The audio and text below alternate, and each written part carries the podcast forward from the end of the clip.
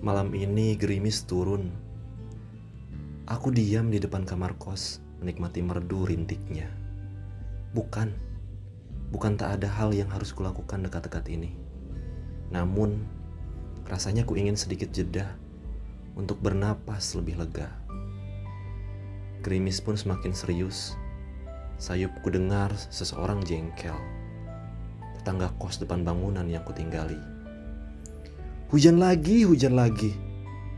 Aku kan ada rapat malam ini. Besok tugas kuliah harus dikumpulkan juga. Ah, semuanya berantakan lagi. Tak lama suara pintu dipaksa tutup dengan keras. Gerimis tetap melaju, tak menghiraukan keluhan seseorang itu. Suasana malam semakin sunyi, sampai akhirnya aku dengar suara beberapa orang beradu kata di sebelah kamar kosku ini. Sedang berkelahi pikirku. Spontan ku tanya, "Ada apa? Apa yang sedang terjadi?" Seseorang yang nampak beradu kata itu terkaget. Sejenak menutup layar laptop yang ternyata sedang dia gunakan. Mohon maaf ya kak, mengganggu. Kami tidak bertengkar.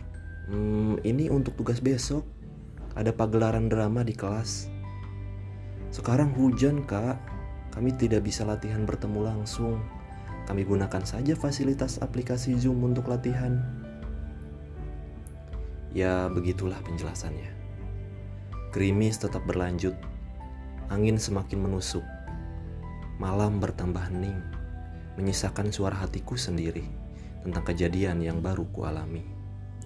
Seni memandang sebuah kejadian. Seni meresapi apa pun terjadi bahwa kita bisa memilih respon kita sendiri. Kita bisa menentukan dari arah mana kita melihat. Karena yang terjadi ada kalanya tetap terjadi. Pun untuk apa-apa yang tak kau harapkan. Tapi aku yakin dirimu takkan kalah oleh keadaan. Takkan lemah oleh situasi. Bertahanlah, gagah berani. Karena kau selalu ingat Allahmu selalu membersamai.